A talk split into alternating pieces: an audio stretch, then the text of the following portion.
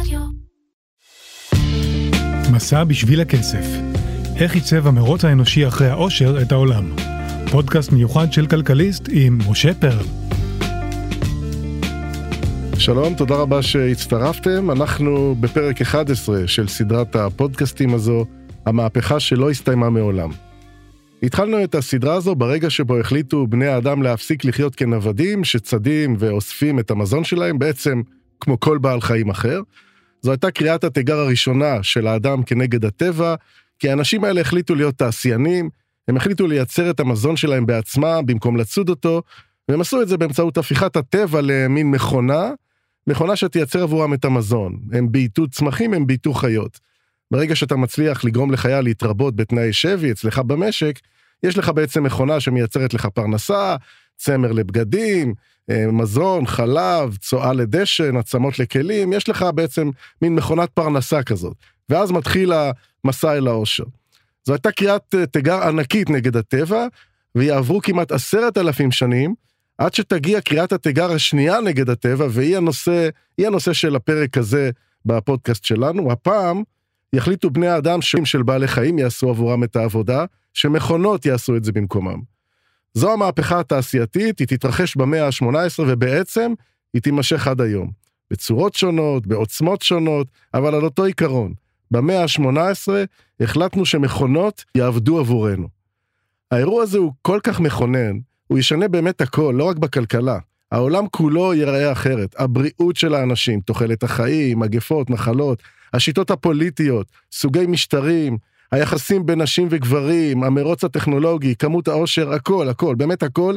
יש כאלה אגב שמחלקים את המהפכה התעשייתית למהפכה של מכונות, ומהפכה דיגיטלית ומהפכת מידע, אבל אני מעדיף, וזה מה שנעשה כאן בפודקאסט, אני מעדיף להסתכל על זה כעל אירוע אחד שהתפוצץ לפני משהו כמו 400 שנים, ומאז מצליח להתפתח ולהתעצם, אבל כתהליך אחד ללא הפסקה. צריך להבין, העולם הכלכלי אף פעם לא היה סטטי. אנחנו מדברים על זה בכל הפרקים של הפודקאסט ומתארים את המרוץ הזה אל העושר, תמיד היו המצאות וטכנולוגיה וחדשנות, אבל האופן שבו מתנהל המרוץ הזה, הוא בדרך כלל עם איזה מתמטיקה קבועה כזו, יש איזו פריצת דרך, איזו המצאה או טכנולוגיה שמקפיצה את הכלכלה ומייצרת עושר, ואז אנשים עושים עוד ילדים, כי יש כסף להאכיל אותם, ואז כשהאוכלוסייה גדלה, כי עשינו עוד ילדים, העושר, פירות הקדמה, הם מתחלקים כבר בין יותר אנשים, וכך רמת החיים של כל אחד שוב יורדת לרמה שדומה למה שהיה מקודם. קוראים לזה האפקט המלטוסיאני, על שם חוקר בשם תומאס מלטוס. אני לא אכנס לזה עכשיו, מי שמתעניין יוכל לקרוא על זה בספר שלי, מסע בשביל הכסף, שהפודקאסט הזה כולו מבוסס עליו. מה שכן חשוב לי להדגיש, זה שמאותו רגע, לפני 400 שנים, שבו החלה המהפכה התעשייתית, הנדנדה הזו הפסיקה. אנחנו כבר לא באותו דפוס של צמיחה, יותר כסף, יותר ילדים, ואז חזרה לרמת החיים הקודמת פר אדם. מהמאה ה-18, רמת החיים לא מפסיקה לצמוח. המהפכה הזאת כל כך משמעותית, מגוונת, רבת פנים, עד שכל אחד מסתכל עליה ורואה משהו אחר. יש היסטוריונים שרואים בה מהפכת אנרגיה. האדם עובר מאנרגיה שתלויה בשרירים של בעלי חיים, לאנרגיה שמופקת משרפת פחם מאובנים. אנשים שמתעניינים בהיבטים הצרכניים, הם רואים את המהפכה התעשייתית ככזו שסימנה את הרגע שיהפוך אותנו לאנשי חברת השפע. הולדתו של ההומו שופינג. היא תתחיל לעצב את האנושות כחברה שוחרת צריכה, תאבת קניות. אם תשאלו את עצמכם מתי נזרע הזרע לתופעה הזו שאנחנו קונים משהו לא כי אנחנו זקוקים לו, אלא כי עצם הקנייה היא החוויה, לכו למהפכה התעשייתית. יש גישות חברתיות יותר, אלה רואות את המהפכה הזאת כנקודת התחלה ליצירת הגבול שבין החיים הפרטיים לבין חיי העבודה. עד העידן התעשייתי בדרך כלל לא הייתה באמת הפרדה בין הבית לעבודה. רוב האנשים עבדו במשק החקלאי שלהם, וגם אם היו בעלי מלאכה, בדרך כלל זה היה בבית או ליד הבית. העידן שבו נוסעים למפעל, לבית החרושת, שבכלל יש דבר כזה שנקרא מפעל והוא מרכז החיים שלנו, העידן הזה מתחיל במהפכה התעשייתית. כמו שתיארתי, יש באמת המון פנים לאירוע הזה, הוא באמת אירוע משנה מציאות, הוא מכונן באופן שלא היו רבים כמותו בהיסטוריה, ולכן באמת קשה לשים את האצבע על המחוללים שלו, על הסיבות, אבל אני בכל זאת רוצה לדבר רגע על שלושה אנשים שמהם הכל התחיל. באמת, מהם הכל התחיל, אלה שלושה הייטקיסטים, ההייטקיסטים הגדולים בהיסטוריה, אלה הסטיב ג'ובס, המארק צוקרברג, הג'ף בזוס של המאה ה-17, ותאמינו לי, הם ישפיעו על העולם יותר מהצוקרברגים והבזוסים. הם באמת ישנו את כל מה שאנחנו מכירים. קוראים להם ריצ'ארד ארקרייט, ג'יימס ואט וג'ון מקאדם. ארקרייט היה ספר, די דלפון, אבל כבר במספרה שלו הוא הוכיח שיש לו חושים לטכנולוגיה ועסקים, ופיתח פאות נוכריות עם צבע מאוד מאוד איכותי, כזה שלא יורד. בקיצור, הבחור עשה כסף ממכירת פאות נוכריות. ובכסף הזה הוא פיתח והמציא את מכונת התביעה, ובפעם הראשונה בהיסטוריה הציג מכונה שיודעת להשתמש בכוח המים כדי לבצע את התביעה של חוטים. מכונה שעושה את זה סוף סוף בצורה לא ידנית. החוטים שטבתה המכונה שלו היו דקים יותר, הומוגנים יותר, חזקים יותר, ובעיקר הייתה למכונה הזאת יכולת לייצר כמויות עצומות בזמן קצר. הוא די אימם את העולם עם המכונה שלו, אבל הוא שינה את העולם כשהמציא את הקונספט של בית החרושת. את מכונת התביעה הוא הציג לעולם ב-1769 והקפיץ את ענף הטקסטיל לשמיים. זה היה ההייטק של התקופה, הוא הפך את בריטניה למעצמה. הנה יש לנו בעולם מדינה אחת שיודעת לייצר באופן ממוכן באמצעות מכונות טקסטיל, כשבכל המדינות האחרות משתמשים בעובדות ובעובדים שמבצעים את התביעה באופן ידני. אבל כעבור שנתיים מקים ארקרייט מבנה שקוראים לו בית חרושת. פורמט חדש של חוויית עבודה. פועלים באים להיכל עצום, שבמרכזו, בקודש הקודשים שלו, עומדת מכונה, והיא תהיה מרכז החיים שלהם. שם הם יעבדו, שם הם יכירו את החברים שלהם, שם הם יאכלו, שם הם יפגשו את הבוס שלהם.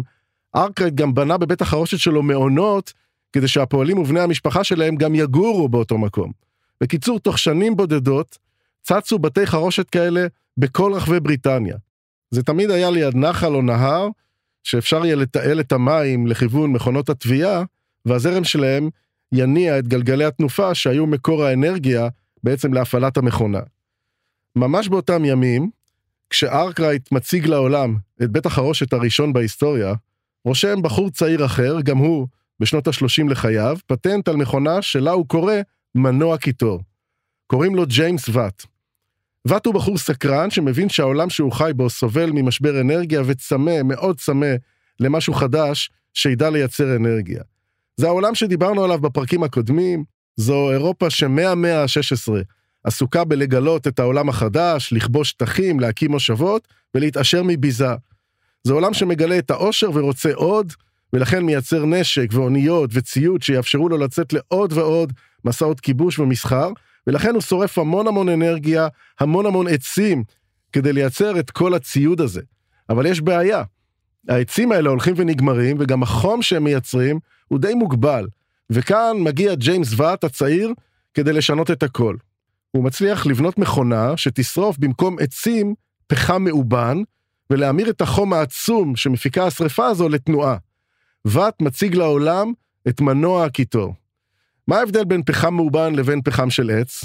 פחם מאובן או פחם אבן או פחם פוסילי, יש לזה הרבה שמות, הוא בעצם גוש מוצק מן אבן שחורה שנוצרה מצמחים שנדבקו זה לזה והפכו במעמקי האדמה במשך מיליוני שנים למאובנים. התהליך הזה הפך אותם לגושים שמכילים המון פחמן, ולכן השריפה שלהם משחררת אנרגיה בחום מאוד מאוד גבוה, הרבה יותר משריפה של עצים רגילים. ההצלחה של ואט לבנות מכונה שתמיר את האנרגיה העצומה הזאת לתנועה, יוצרת מנוע שהפך במידה רבה להיות הסמל של המהפכה התעשייתית, כי הוא יאפשר להפעיל המון מכונות בהמון סוגים של תעשיות. עכשיו זו לא רק מכונת התביעה של ארקרייט, מנוע הקיטור של ואט יוכל להפעיל כמעט כל מכונה. אם דיברתי על המהפכה התעשייתית כסוג של קריאת תיגר של האדם כנגד הטבע במובן הזה שממנה והלאה לא שרירים של בעלי חיים יעבדו אלא מכונות, אז קרדיט גדול מגיע לוואט. אז מה היה לנו בעצם? יש לנו קונספט חדש של בית חרושת, ויש לנו מנוע שיודע להפעיל מכונות, כלומר האדונים האלה, ארקייט וואט, מאפשרים לנו עכשיו לייצר מוצרים, סחורות, אביזרים בצורה חסרת תקדים. לא היה כדבר הזה בכל ההיסטוריה של המרוץ אל העושר. אבל מה זה שווה? מה זה שווה אם לא נוכל להוביל את המוצרים האלה ללקוחות? לאלה שעבורם יוצרו המוצרים האלה. אני רק רוצה להזכיר לנו, אנחנו במאה ה-18, הדרכים בכל אירופה וגם בבריטניה פשוט איומות, בולדרים, אבנים, הצפות בחורף, קטסטרופה. כרכרות של סוסים מצליחות לעבור בקושי 25 קילומטרים ביום, לא בשעה, ביום. וגם אז הגלגלים נדפקים, הבלאי של הכרכרות עצום, הן נתקעות כל פעם, זה בלתי נסבל. אלה דרכים שהן ממש הזמנה לשודדי דרכים להשתלט על הכרכרות שמובילות מוצרים ולבזוז אותם, וגם אם איכשהו שיירת הכרכרות מצליחה להגיע ליעד שאליו היא נוסעת, סביר שחלק גדול מהסחורה יישבר או יתקלקל, פשוט בגלל תנאי הדרך. במילים אחרות, אנחנו במצב שארקרייט וואט הפכו אמנם את העולם לכזה שיודע לייצר עושר באמצעות מכונות, אבל די קשה להוציא את זה לפועל, כי תוצרי המכונות האלה לא יודעים להגיע ליעד שלהם באופן יעיל. ובדיוק בשביל זה, קם לו ג'ון מקאדם, סקוטי יצירתי, שהמציא את הדרך שאנחנו קוראים לה היום כביש. מקאדם לוקח עשרות פועלים, מושיב אותם על הדרכים האיומות של המאה ה-18, מחלק להם פטישים קטנים כאלה ומנחה אותם לשבור את כל האבנים, את הסלעים, את הבולדרים, לאבנים קטנטנות, שקוטר כל אחת מהן לעולם לא יעלה על קוטר של גלגל של כרכרת סוסים. הוא עדיין לא קורא לזה חצץ, אבל זה מה שהוא ממציא, חצץ. אחרי שהם מרסקים את כל האבנים הגדולות והסלעים, מקאדם מפזר את החצץ בכמה שכבות על גבי הדרך, כשהוא מקפיד לפזר את השכבה העליונה כך שייווצר איזה מין כימור כזה באמצע שלה, מין גיבנת, שתגרום לגשם לגלוש לצידי הדרך ולא להצטבר כשלוליות, כהצפות. את שכבות החצץ האלה הוא כובש כך שהטקסטורה העליונה תהיה די שטוחה ותאפשר חיכוך טוב, חיכוך נוח עם גלגלי הכרכרות. מה שנשאר לו עכשיו זה ליצור בשני צידי הדרך תעלות ניקוז שימנעו הצפות, וכך בא לעולמנו האב הקדמון של הכביש המודרני. ההמצאה הזו, הכביש של מקאדם, תשלים את הפאזל. מעכשיו, יש כושר ייצור של מוצרים וסחורות, ויש איך להפיץ אותם, יאללה, אפשר להתחיל במהפכה, וזאת תהיה וואחד מהפכה. אבל בואו נעצור רגע ונשאל את עצמנו, למה כל זה קורה דווקא בבריטניה? למה דווקא באי הבריטי קמו היזמים, התפתח החזון, התעוררה המהפכה הכל כך משמעותית הזאת? מה עושה את הבריטים להיות אלה שקוראים תיגר נגד הטבע ומחליטים שמכונות צריכות לעבוד עכשיו בשביל בני אדם? אז האמת היא שיש המון תשובות לשאלה הזאת, היא די אניגמטית, היא נשארה חידה במידה מסוימת, אבל אם אני הייתי צריך לבחור תשובה אחת, הייתי מחפש אותה בפוליטיקה. הבריטים של אחרי ימי הביניים, הם עם שיודע להיות מעורב פוליטית כשמדובר בכסף שלו. ואני לא אומר את זה באיזה קונוטציה שלילית או ביקורתית, כבר בתחילת המאה ה-17, כשאיש לא חלם עדיין על המהפכה התעשייתית, הבריטים מחליטים לחוקק חוק פטנטים. זו חקיקה אולטרה מודרנית במונחים של התקופה ההיא. מה זה בעצם חקיקת פטנטים? אם חברה או קהילה כלשהי רוצה לעודד יזמים, ממציאים, מפתחים, כדי שימציאו המצאות, שיקדמו את הכלכלה, צריך לתת להם תמריץ. כלומר, צריך לדאוג לזה שבעל הרעיון שמשקיע ומפתח אותו לכדי המצאה של ממש, יוכל ליהנות מההמצאה שלו. אם רגע אחרי שמישהו המציא איזה מכונה או טכנולוגיה או תרופה, כולם יוכלו להעתיק אותה ולייצר אותה, איך הוא ירוויח? ואם זה המצב, לאנשים יהיה פחות מוטיבציה להשקיע בפיתוח של המצאות. חוק פטנטים מעניק לבעל ההמצאה תקופה שבמהלכה תהיה לו בלעדיות למכור את ההמצאה שלו. ומי שהבינו את זה ראשונים היו האנגלים. הם החלוצים שחוקקו חוקי פטנטים כבר ב-1624, חוקים שדאגו לתת הגנה משפטית לממציאים באשר הם ממציאים. יותר מזה, לקראת סוף המאה, הם מצליחים לחוקק עוד סדרה של חוקים שיגנו על יזמים, ואפילו ישללו מהמלך שלהם, מהמלך בעצמו, ישללו ממנו זכויות להחליט החלטות כלכליות בתחומים מסוימים, רק כדי שלא יוכל לסדר לחברים שלו ולכל מיני מקורבים, כל מיני פרוטקציות, לצ'פר אותם, כפי שאנחנו מכירים אפילו בימים שלנו. זה היה משהו מאוד לא מקובל באותם ימים. באירופה לא היה שום עם שהצליח לחשק את המלכים שלו, את המנהיגים שלו, כמו האנגלים. רק האנגלים ידעו להגיד למלכים שלהם, רבותיי, כשמדובר בכסף, אנחנו יודעים לשים אפילו למשפחת המלוכה גבולות. כך הפכה בריטניה קרקע מאוד פוריה, שעליה יכולות לצמוח יוזמות עסקיות, טכנולוגיות.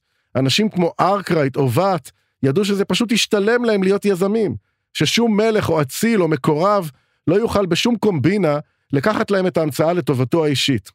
ה ecosystem האנגלי הזה אחראי במידה רבה למה שצמח שם במאה ה-18, וזו הייתה רק ההתחלה.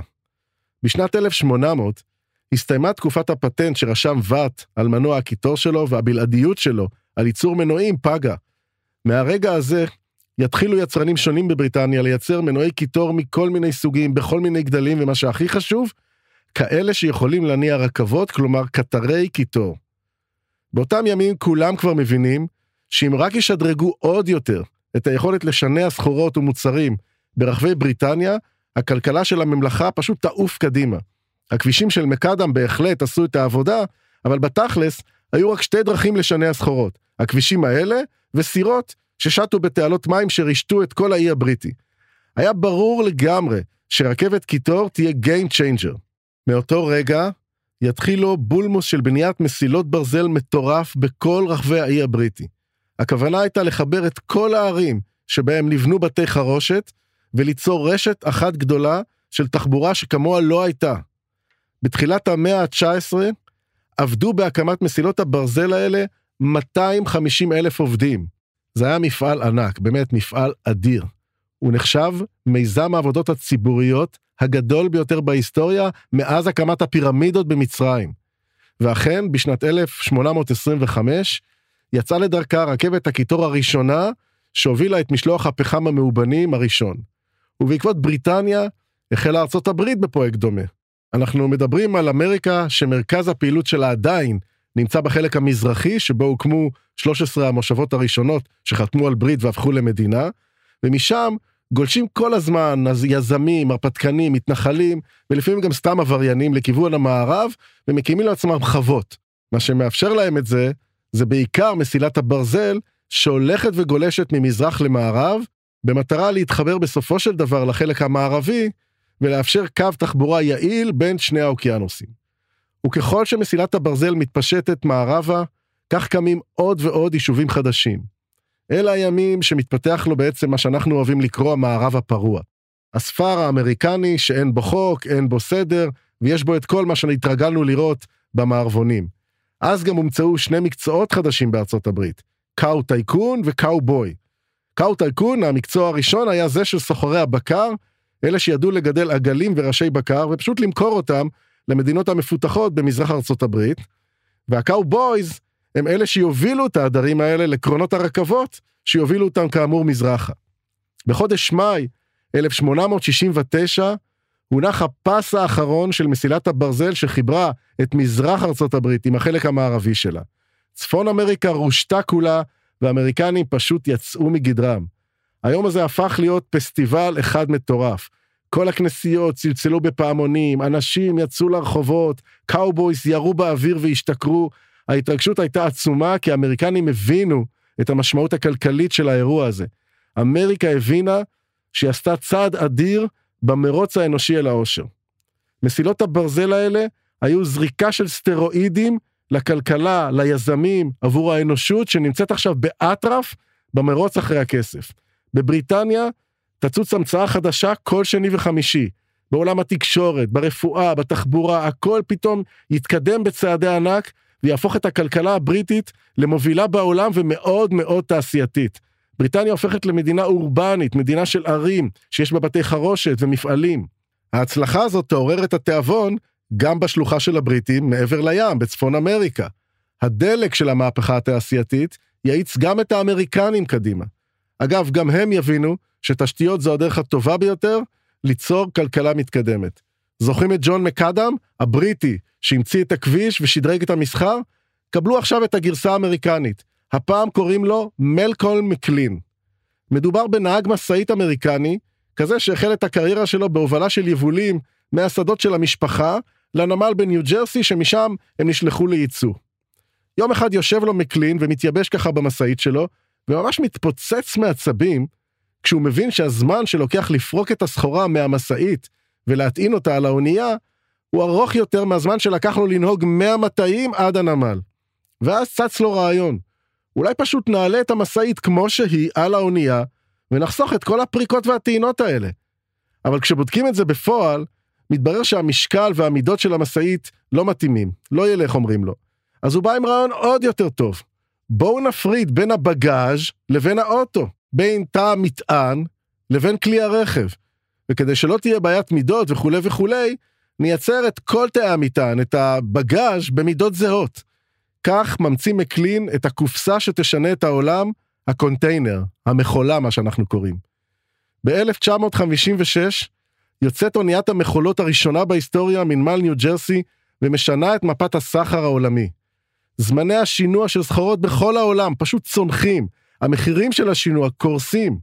עולם המסחר הגלובלי עושה קפיצת מדרגה. זאת תהיה קפיצה כל כך משמעותית, שתאפשר לנו להביא מוצרים ממקום למקום ביעילות, במהירות ובאמת מאוד מאוד בזול. אם אתם מעריצים את ג'ף בזוס מאמזון ואת החברים שלו, שמאפשרים לכם להיכנס עכשיו, אפילו תוך כדי האזנה לפודקאסט הזה, באמצעות הנייד שלכם לחנות בהונג קונג או בסינגפור, ולהזמין משם את הגאדג'ט האהוב עליכם, תגידו קודם כל תודה למלקון מקלין שאפשר להם להביא אליכם את הגאדג'ט הזה. בלעדיו, המסחר האלקטרוני לא היה מגיע למה שאנחנו מכירים היום.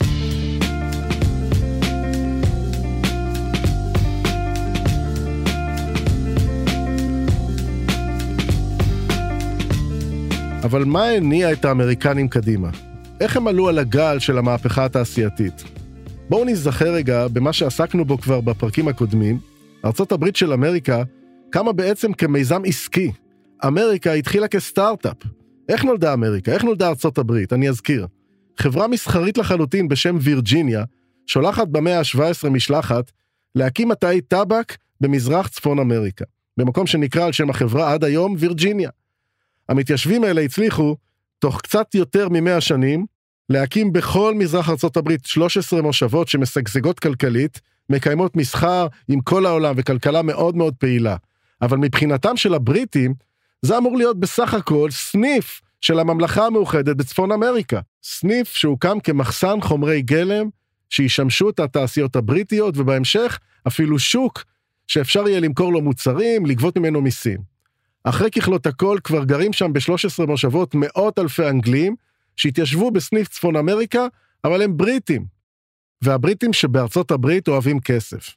הם רואים איך המהפכה הכלכלית הענקית משנה את העולם בבריטניה, וזה עושה להם תיאבון גדול לכסף. ולקראת סוף המאה ה-18, מתעורר לו ויכוח בינם לבין המולדת, כאשר הפוליטיקאים בלונדון מחייבים אותם לרכוש תה רק מחברות בריטיות. מנקודת מבטם של הבריטים של לונדון זה ברור, המתיישבים באמריקה הם שוק פוטנציאלי, הם אזרחי בריטניה, ולכן מאוד פשוט ונכון לחוקק חוקים שיכתיבו להם ממי לרכוש את המוצרים שלהם. אבל הבריטים שבאמריקה זה כבר פחות ברור. הם דרשו לבטל את החוקים האלה, או לפחות לשתף אותם בתהליך החקיקה. דבר אחד הם לא מוכנים לקבל, תכתיבים מהפוליטיקאים שמעבר לים, אלה ששלחו אותם לצפון אמריקה ומנהלים להם את החיים מלונדון. בשנת 1773, קבוצה של אקטיביסטים בבוסטון התגנבה לנמל, השתלטה על אוניות שהגיעו מבריטניה עם משלוחים של תה בריטי, והפכה את כל הארגזים, פשוט זרקה אותם לים. האירוע הזה זכה לכינוי מסיבת התה של בוסטון, והצית מאבק אדיר בין המתנחלים הבריטים לבין הפוליטיקאים שבמולדת.